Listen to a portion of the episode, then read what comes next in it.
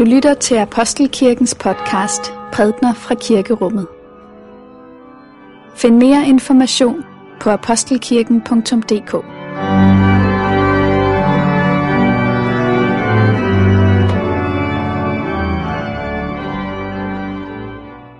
God morgen alle sammen, og velmødt til gudstjeneste her i Apostelkirken på denne første søndag i fasten. Vi er nu i fastetiden, og vi tæller i alt 40 dage. Og de 40 dage har ikke mindst noget at gøre med det, som er dagens evangelietekst. Jesus, som føres ud i ørkenen for der at fristes. Det skal handle om at kæmpe. Og mest af alt, hvad betyder det egentlig, at Jesus kæmpede, og han vandt? Hvilken betydelse har det for os? Vi skal læse fra 1. Mosebog, kapitel 3.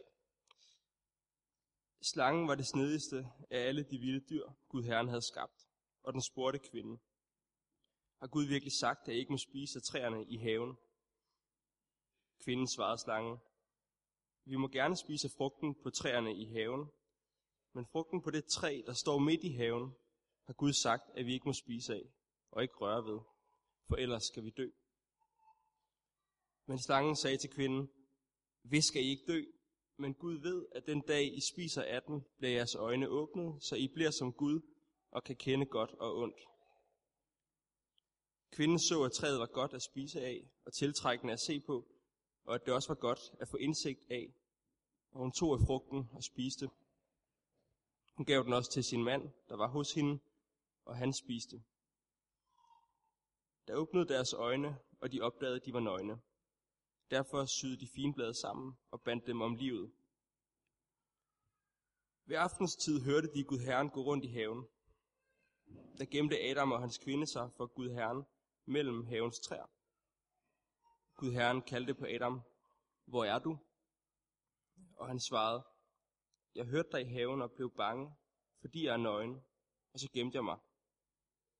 Han spurgte, hvem har fortalt dig, at du er nøgen? Har du spist af det træ, jeg forbød dig at spise af? Adam svarede, Kvinden, du satte hos mig, gav mig af træet, og så spiste jeg. Gud Herren spurgte så kvinden, hvad er det, du har gjort? Hun svarede, slangen forledte mig til at spise. Da sagde Gud Herren til slangen, fordi du har gjort dette, skal du være forbandet blandt alle kvæg og blandt alle vilde dyr. På din bu skal du krybe, og støv skal du æde alle dine dage. Jeg sætter fjendskab mellem dig og kvinden, mellem dit afkom og hendes. Hendes afkom skal knuse dit hoved, og du skal bide hendes afkom i hælen. Til kvinden sagde han, Jeg vil gøre dit svangerskab plagsomt og pinefuldt. I smerte skal du føde børn. Du skal begære din mand, og han skal herske over dig. Til Adam sagde han, Fordi du lyttede til din kvinde og spiste af det træ, jeg forbød dig at spise af, skal jorden være forbandet for din skyld. Med møje skal du skaffe dig føden alle dine dage. Tjørn og tissel skal jorden lade spire frem til dig, og du skal leve af markens planter. I dit ansigts sved skal du spise dit brød, indtil du vender tilbage til jorden, for af den er du taget. Ja, jord er du, og til jord skal du blive. Amen. Det hellige evangelium skriver evangelisten Matthæus. Så blev Jesus af ånden ført ud i ørkenen for at fristes af djævlen. Og da han havde fastet i 40 dage og 40 nætter, led han til sidst sult. Og fristeren kom og sagde til ham, Hvis du er Guds søn, så sig, at stenen her skal blive til brød. Men han svarede, der står skrevet, mennesket skal ikke leve af brød alene, men af hvert ord, der udgår af Guds mund. Der tog djævlen ham med til den hellige by, stillede ham på templets tinde og sagde til ham, hvis du er Guds søn, så styrt dig ned, for der står skrevet, han vil give sine engle befaling, og de skal bære dig på hænder, så du ikke støder din fod på nogen sten. Jesus sagde til ham, der står også skrevet, du må ikke udæske Herren din Gud. Igen tog djævlen ham med sig, denne gang til et meget højt bjerg, og viste ham alle verdens riger og deres herlighed, og sagde til ham, alt dette vil jeg give dig, hvis du vil kaste dig ned og tilbede mig. Da svarede Jesus ham, Vi bort, satan, for der står skrevet, Du skal tilbede Herren din Gud og tjene ham alene. Da forlod djævlen ham, og se, der kom engle og sørgede for ham. Amen. Lad os bede sammen. Herre, lad dit ord blive til liv for vores tro. I faderens og søndens og helligåndens navn. Amen. Ja, fasten er begyndt. 40 dage på vej mod påske. Det siger kalenderen. Uh, nogle af jer var også med i onsdags, da vi markerede indgangen til fasten i forbindelse med Aske onsdagsgudstjenesten, som fandt sted her. Det er sådan de, de synlige kendetegn på fasten. Men altså, når vi ser ud over dem, hvad skal vi så egentlig tænke om fastetiden? Hvad er det, at de her 40 dage vil os? Og måske også lige så relevant, hvad er det, vi vil med de her 40 dage, som vi er gået ombord i nu? Svarene vil være individuelle. De vil være forskellige. Man kan gå mange forskellige veje her, for vi er ikke ens. Det er helt berettet, hvis vi tænker lidt forskelligt om fasten. fasten. Vores tilværelser ser forskellige ud. Vi har hver især vores livs arenaer, hvor vi mødes af udfordringer. Vi har alle vores områder, hvor at vi må kende, at vi er svage og har svært ved at stå fristelserne imod. Fasen den gives os på en måde som en periode, hvor vi lidt mere end ellers kan tage fat på alt det her. At vi stopper op og våger at erkende, at tingene ikke bare går af sig selv, men at vores liv også egentlig har del i noget, som kan være ganske ødelæggende, både for os selv for andre. At vi har et ansvar, og vi også har en skyld at bære. Ud af den her erkendelse kan vi så handle, og det gør vi vældig meget i fastetiden. I hvert fald nogen. der handler om at omlægge sin livsmønstre, at ændre vaner til noget, som er bedre, til noget, som er mere sundt, både fysisk og psykisk. Måske til noget, som er mere miljørigtigt, osv. På den måde så er fasten egentlig en tydeliggørelse af, at vi ikke er som robotter, der har fået lagt et eller andet handlemønster ned i os, men at vi er mennesker, som har evnen til at handle både ondt og godt. Og det er fasten egentlig, at tage kampen op. Men hvad er det så for en kamp? Det er det store spørgsmål, som vi skal tage fat på i dag. Og dagens tekster, både den, som vi hørte fra det gamle testamente om syndefaldet og Jesu fristelse i ørken, siger noget ganske vigtigt til os i den forbindelse. Se, hvis vi tænker, at fasten den har et kamptema, så kan man jo forestille sig, at fasetidens første tekst på denne søndag nok vil være en tekst, som havde til formål ligesom at give en pep-talk til de kæmpende. Noget, som kunne indgyde mod, noget, som ligesom kunne skabe en eller anden form for glødende entusiasme. Eller man kunne måske forestille sig, at den første tekst måtte være et godt eksempel. Altså, det gode eksempel kan vi vel alle sammen lære af. Så man kunne forestille sig, at man tog en af de gamle testamentlige profeter, som var et gudfrygtigt menneske midt i en gudløs tid, midt i et gudløst samfund. Eller en af Jesu disciple, som efter åndens udgydelse ligesom gik ud i verden fuld af kraft. Vil det ikke også være et godt eksempel? Eller endelig kunne man måske forestille sig, at vi på denne første søndag i fasten vil have en tekst, som ligesom øh, gav os nogle trøsteord med på vejen. Hold ud i striden. Paulus taler om den uvistelige sejrskrans. Men i dag, så får vi noget, som på en måde er langt, langt vigtigere med os. Og det de her tekster fortæller os, det er egentlig dybest set, fat mod, den store kamp er allerede vundet. Og vi har ligesom hele Bibelen opsummeret i de her dags, dagens tekster, ikke sandt? Adam og Eva, som ikke stod imod fristelsen, de faldt. Mennesket faldt, vi faldt, og faldet var stort. Ondskabens magt inficerede hele skaberværket. Men det, som Adam og Eva ikke formåede, det formåede Kristus. De lod sig forføre af magt og herlighed dengang i Edens have. Det gør Kristus ikke i ørkenen. Det er det, vi har læst i dagens tekst. Kristus er den nye Adam. Paulus skriver jo på et tidspunkt, at ligesom at alle sammen dør med Adam, sådan skal alle gøres levende med Kristus. De bliver hinandens spejlbilleder her.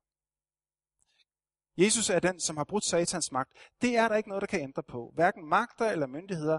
Hverken om jeg oplever, at jeg lykkes i min faste, eller om jeg mislykkes. Kristus har sejret. Det er den store overskrift, når vi går ind i fastetiden. Det vil sige, fasten er egentlig ikke et projekt, som handler om, at jeg ligesom skal prøve at overvinde enhver ond magt, som har plads i mit liv. At overvinde magterne er strengt taget ikke min opgave. Det er kun Kristus, som har magt til at gøre det. Min opgave, det er ikke at besejre. Den er mere beskeden.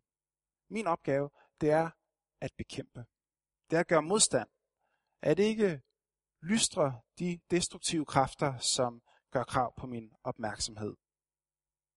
Og på den måde kan man sige, at min opgave er nogenlunde den samme, som det når det handler om at hjælpe foråret på vej.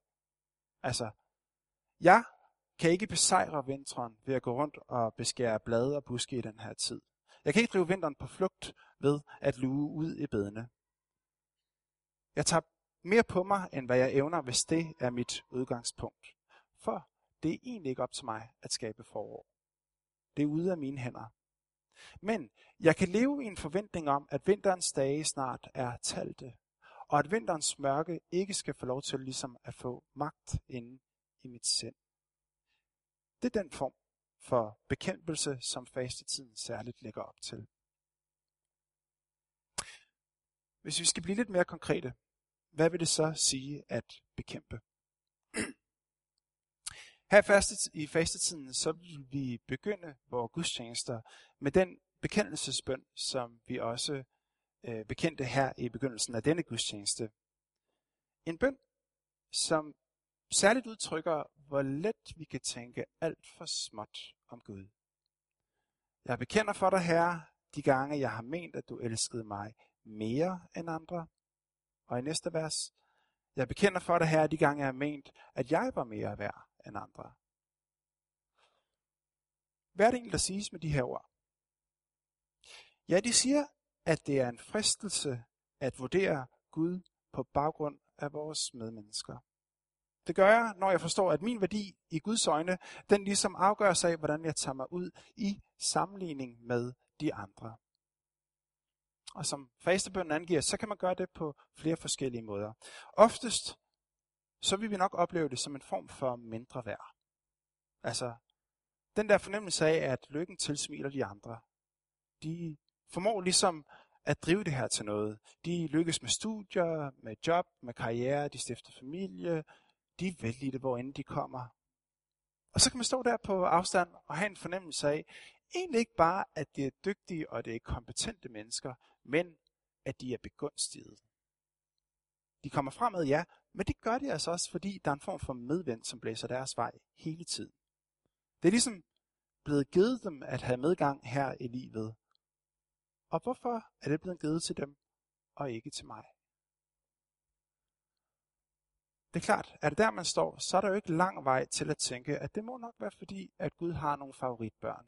Gud elsker nogen mere end andre. Og den her tankegang, den er ikke svær at sætte sig ind i, men i det øjeblik, hvor vi har taget den til os, så har vi også ligesom givet andre mennesker lov til at få lov til at definere, hvordan vi forstår Gud. Og det gør vi også i den grad, vi føler, at vi er mere værd end andre. Hvis jeg oplever, at jeg har mere værdi end andre, så kan det ikke skyldes andet, end jeg føler, at jeg er bedre end alle andre. Ganske enkelt. Tænk på Jesu lignelsen om farisæeren og om tolleren. Altså, farisæeren, der kommer ind i templet, der står, at han var en retskaften mand, en som fastede to gange om ugen, og som betalte tiende af sin indtægt.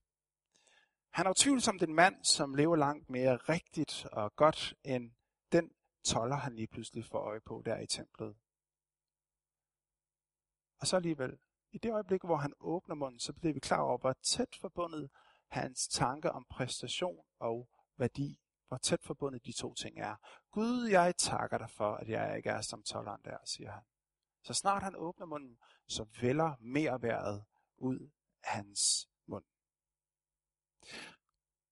Og vi kan lidt havne her, fordi verden langt hen ad vejen ser ud til at værdsætte folk efter deres præstationsevne. Men hvad er det egentlig, der giver os ret til at tænke, at sådan værdi sætter Gud også os som mennesker? Hvilken ret har vi til at vurdere Gud på baggrund af vores medmennesker? Når vi snakker faste, så tænker vi så meget ofte på forbrug, vi tænker på mad, hvad man bruger af tid på de sociale medier. Kunne fasten også være en anledning til at gøre sig klart, at sammenligningen er djævelens opfindelse? At når jeg spontant mærker, at jeg tænker i baner af præstation og værdi osv., så har jeg med en løgn at gøre. Altså hele ideen om at have mere eller mindre værd i forhold til den måde, vi er stillet over for Gud, den er løgnagtig, og den er dybt, dybt skadelig for os alle sammen. Hvad så? Hvis det virkelig er sådan, man føler det. At man ikke føler sig elsket, at man ikke føler, at man er et Guds barn, som bliver set, og som får den opmærksomhed, som der er nødvendig. Det rører ved et meget vigtigt spørgsmål, når det handler om tro, nemlig følelser. Følelser, det er noget af det fineste, vi har som mennesker. Det er noget af det vigtigste, vi har som mennesker. Hvis man berøves evnen til at føle, så bliver man ikke bare et meget afstumpet menneske. Det sker desværre, og ikke så sjældent da, at folk berøves den evne. Men man bliver ikke bare afstumpet, man bliver fattig. Man bliver isoleret, man bliver afsondret. For følelser, det er noget af det allervigtigste, vi kan have i den måde, som vi ligesom indgår i relationer til andre. Følelser er noget af det allervigtigste for det at kunne indgå i et fællesskab med andre. Tag for eksempel følelsen af dårlig samvittighed. Det er ikke en sjov følelse. Den kan nage på en måde, men den er guld værd. Den fortæller mig, at der er noget, der er galt. At jeg har et udstående med en eller anden. Og i den forstand, så lyver følelser aldrig.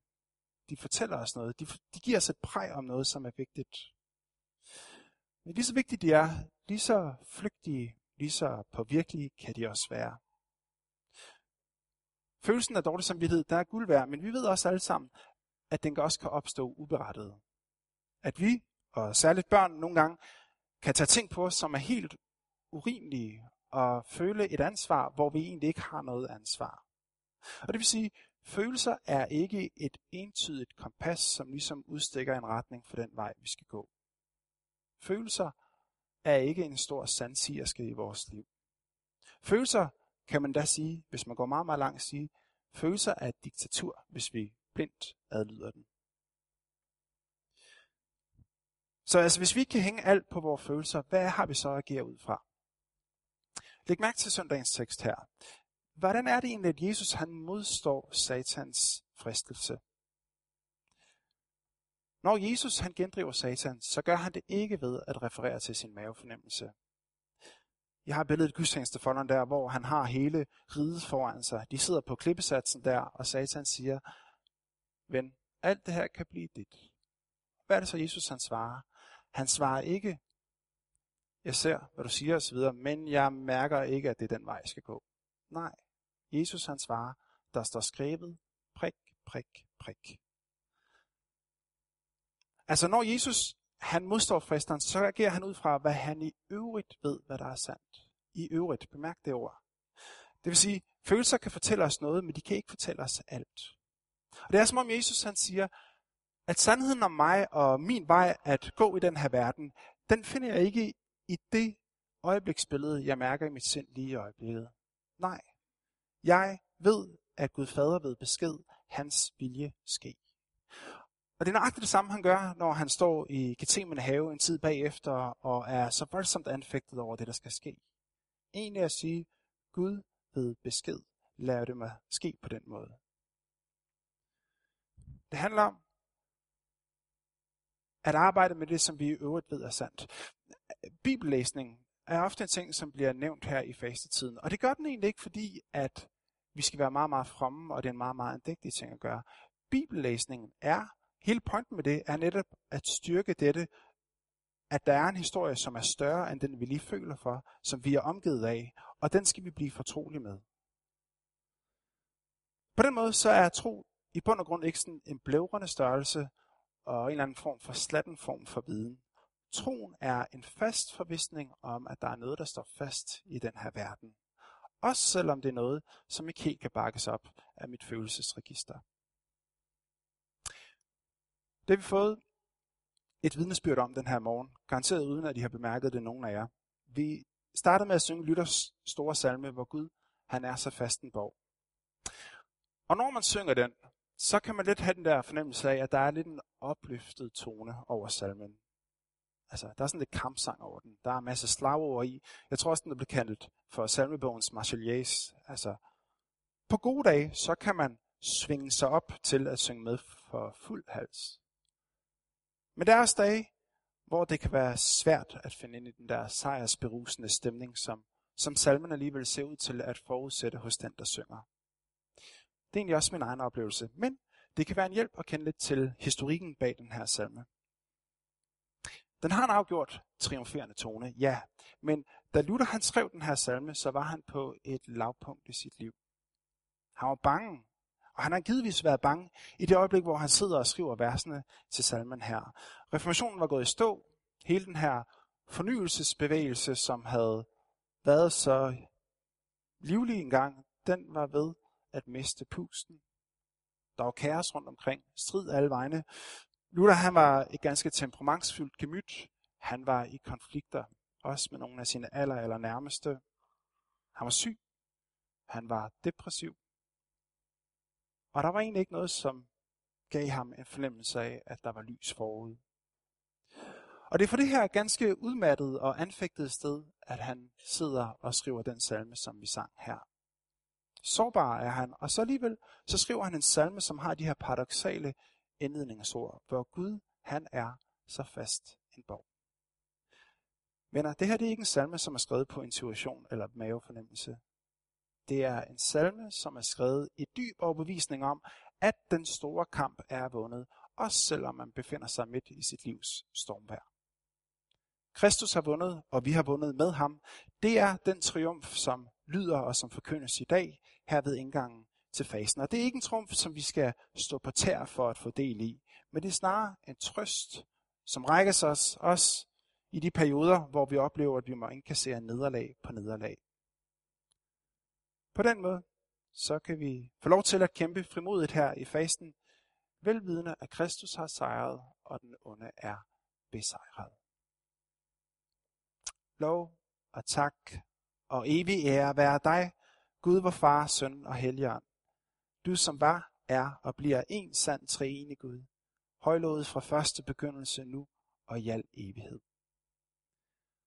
Og lad os bede sammen. Jesus Kristus, jeg vil ligne dig i din ørkenkamp. Giv mig vilje til dag for dag at leve efter din gode vilje. Lad mig ikke blive forhærdet, så jeg bliver overfladisk og hård, og ser, at mine medmennesker fornedres og plages. Støt mig, når jeg er svag, og rejs mig, når jeg falder.